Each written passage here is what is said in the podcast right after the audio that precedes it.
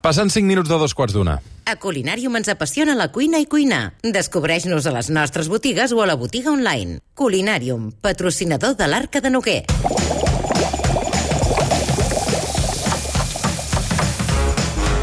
L'Arca de Noguer. Al Ripollès, Pep Noguer, bon dia, bona hora. Molt bon dia, què tal? A veure on ets exactament, Pep.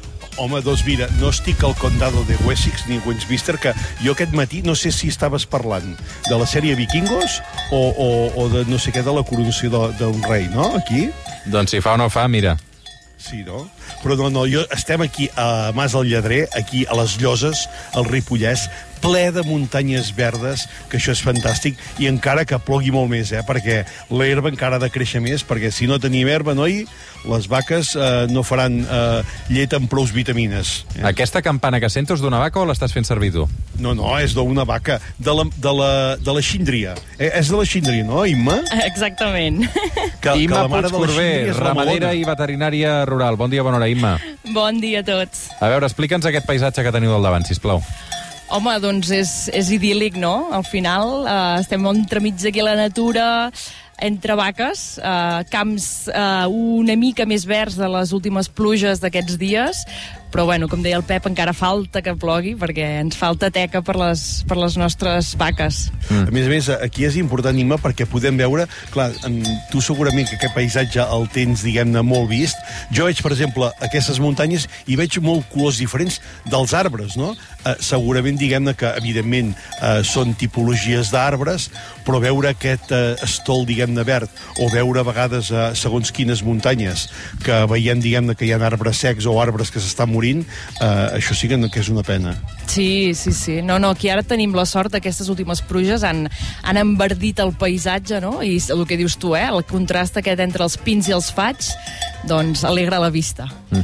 Imma, això de tenir una feina de, de 24 a 7, 24 hores 7 dies a la setmana, tots els dies de l'any, Uh, com ho portes? Perquè tu vas fer un canvi de vida fa uns anys. Uh, crec que ja venies d'una família de, de, de grangers, uh, però tu dedicar-te a la pagesia tampoc fa tant de temps, no? Uh, no.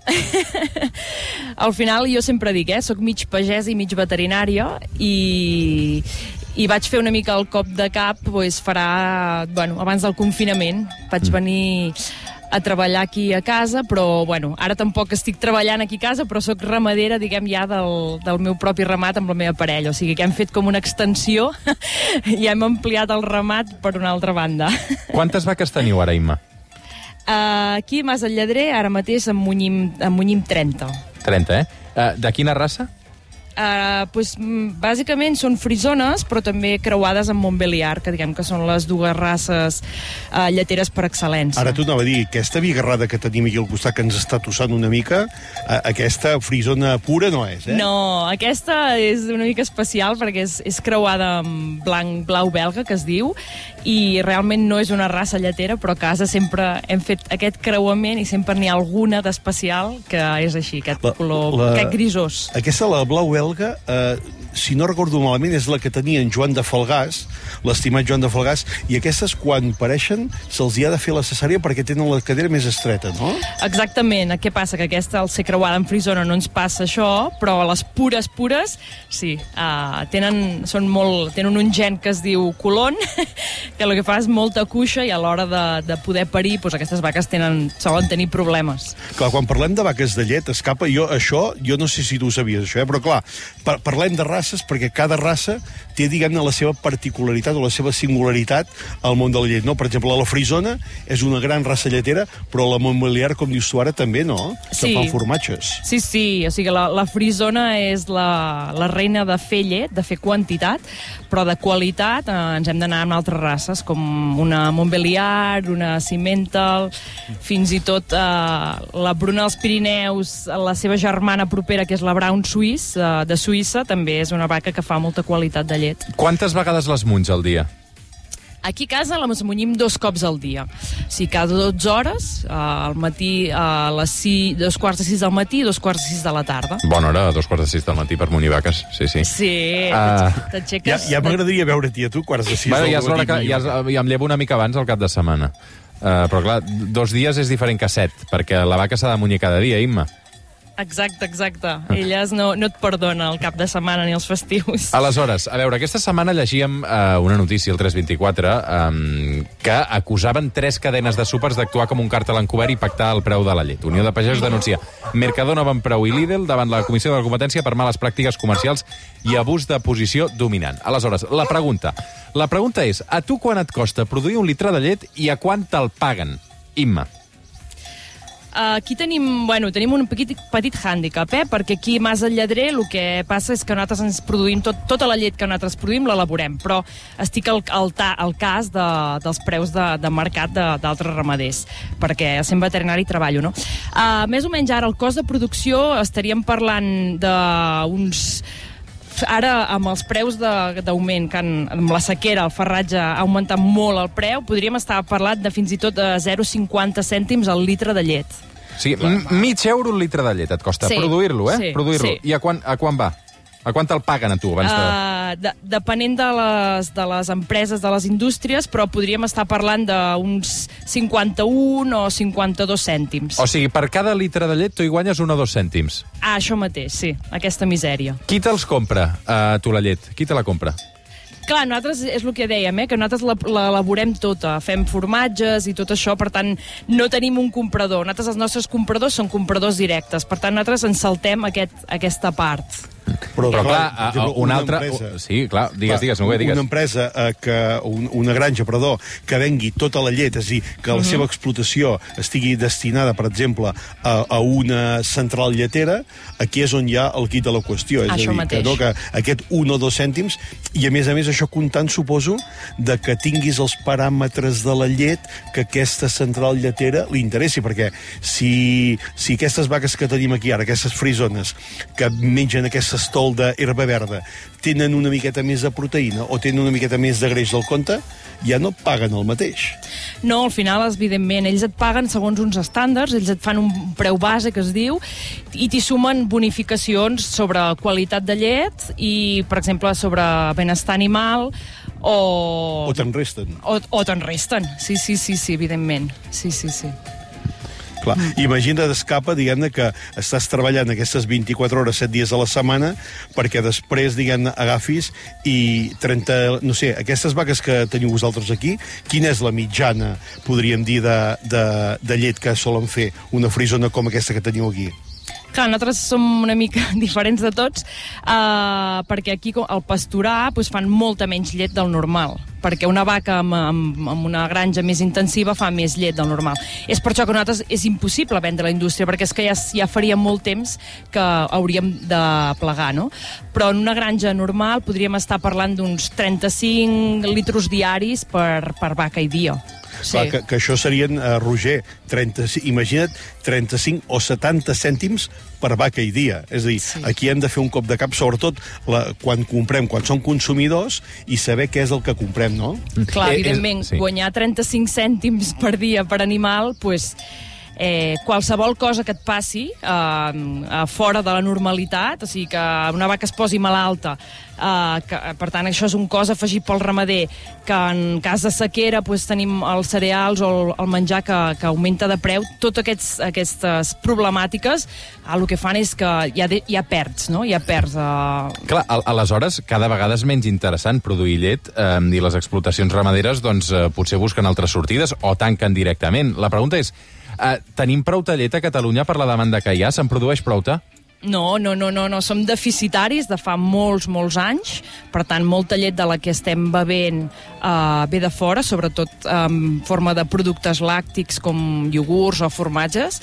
Um, I, per tant, la pèrdua que s'ha ha tingut aquests últims anys d'explotacions lleteres a Catalunya ha set ha set desastrosa, no? Ara, l'altre dia mirava dades, el 2008 érem cap a 960 granges, actualment Avui eh, en som unes 360 a tot Catalunya, per tant, és una debacle.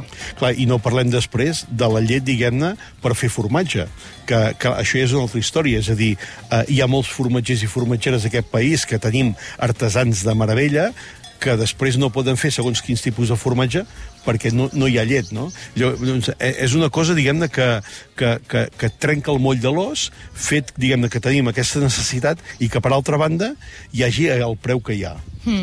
És que no s'entén, no?, al final, perquè jo és el que dic. Uh, el preu de la llet fa un mes enrere era un preu correcte, s'estava pagant cap als 60 cèntims d'euro de, uh, per litre de llet, per tant, és un preu just pel ramader, perquè al final també hem de tenir un benefici, perquè aquest benefici s'ha de poder uh, invertir en aquestes, en aquestes granges, no?, i pels animals i pels ramaders, no?, però actualment amb, amb aquest preu és que és, és impossible, és, és impossible viure, és que, vull dir, jo, jo ho dic, els ramaders que hi han actualment és per vocació.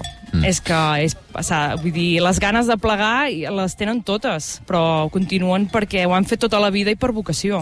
Passa un minut de tres quarts d'una del migdia, som al suplement, som a Catalunya Ràdio, som al Ripollès a través de la mirada del Pep Noguer, avui visitant la granja d'Imma Puigcorbé.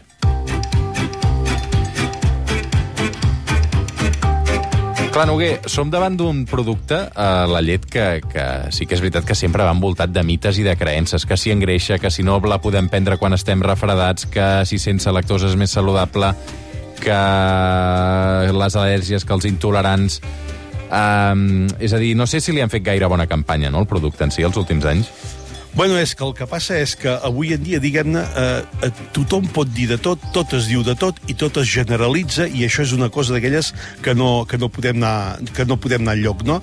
Mm, clar, quan diem llet, clar, quina llet, no? És a, dir, a, a mi a vegades em diuen, tu menges hamburgueses? Dic, i tant que menjo d'hamburgueses. Però clar, quines hamburgueses, no? O, o un Frankfurt. Jo menjo Frankfurts, però clar, menjo uns Frankfurts que si vas un dia te'n porto un. És a dir, no, no som Frankfurts de segons quins. I la llet és el mateix. És dir, jo avui aquí, he arribat aquí i la Marina, la germana de l'Imma, em tenia preparada un got de llet i em diu, té, beu llet. Clar, saps allò de quan eren petits aquells anuncis de que et queden allò, que et queda el bigoti totalment blanc una llet dolça que dic que m'hi has posat sucre aquí. Clar, eh, és a dir, no, és, no té res a veure el llet que, la llet que jo he tastat avui aquí, que, que m'ha portat la Marina, amb una llet qualsevol, de qualsevol marca, podríem dir blanca, per exemple, o qualsevol marca que tu puguis trobar en una, en una botiga. Llavors, potser hauríem de començar a parlar d'això també, no, Imma? És a dir, hi ha llets i llets. No? Mm.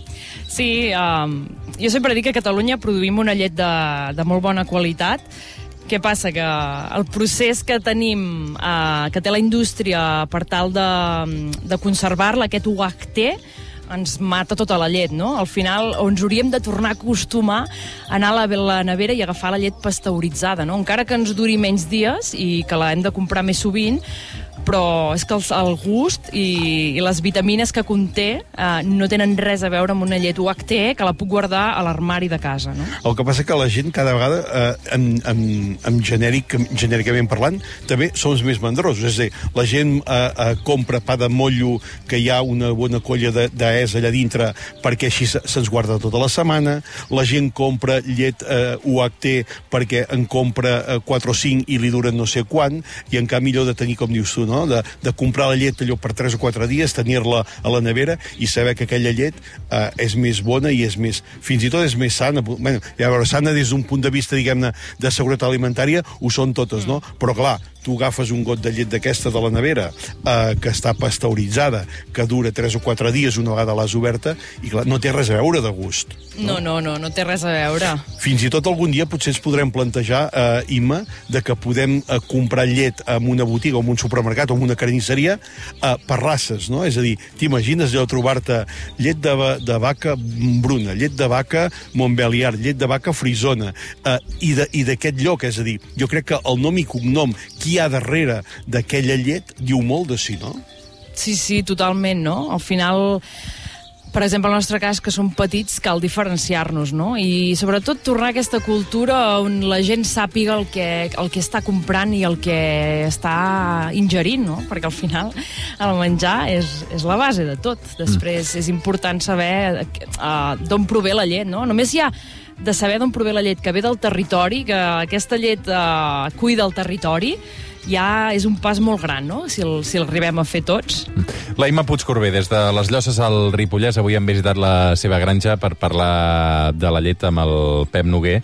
Uh, en un dia en què estem molt pendents del que passa a Londres. Uh, gràcies, Pep Noguer, gràcies, Imma Puigcorbeu, una abraçada ben forta també a totes les vaques, que sé que tenen nom i cognom pràcticament, eh, Imma? Tu li poses nom i cognom, eh? Sí, sí, sí. I només afegir una petita coseta, una frase que per tothom que ens escolta, que, si plau no compreu marca blanca. Prohibit. Una abraçada, Imma, gràcies. Moltes gràcies. Adéu. Noguer. Cuida't, cuida't.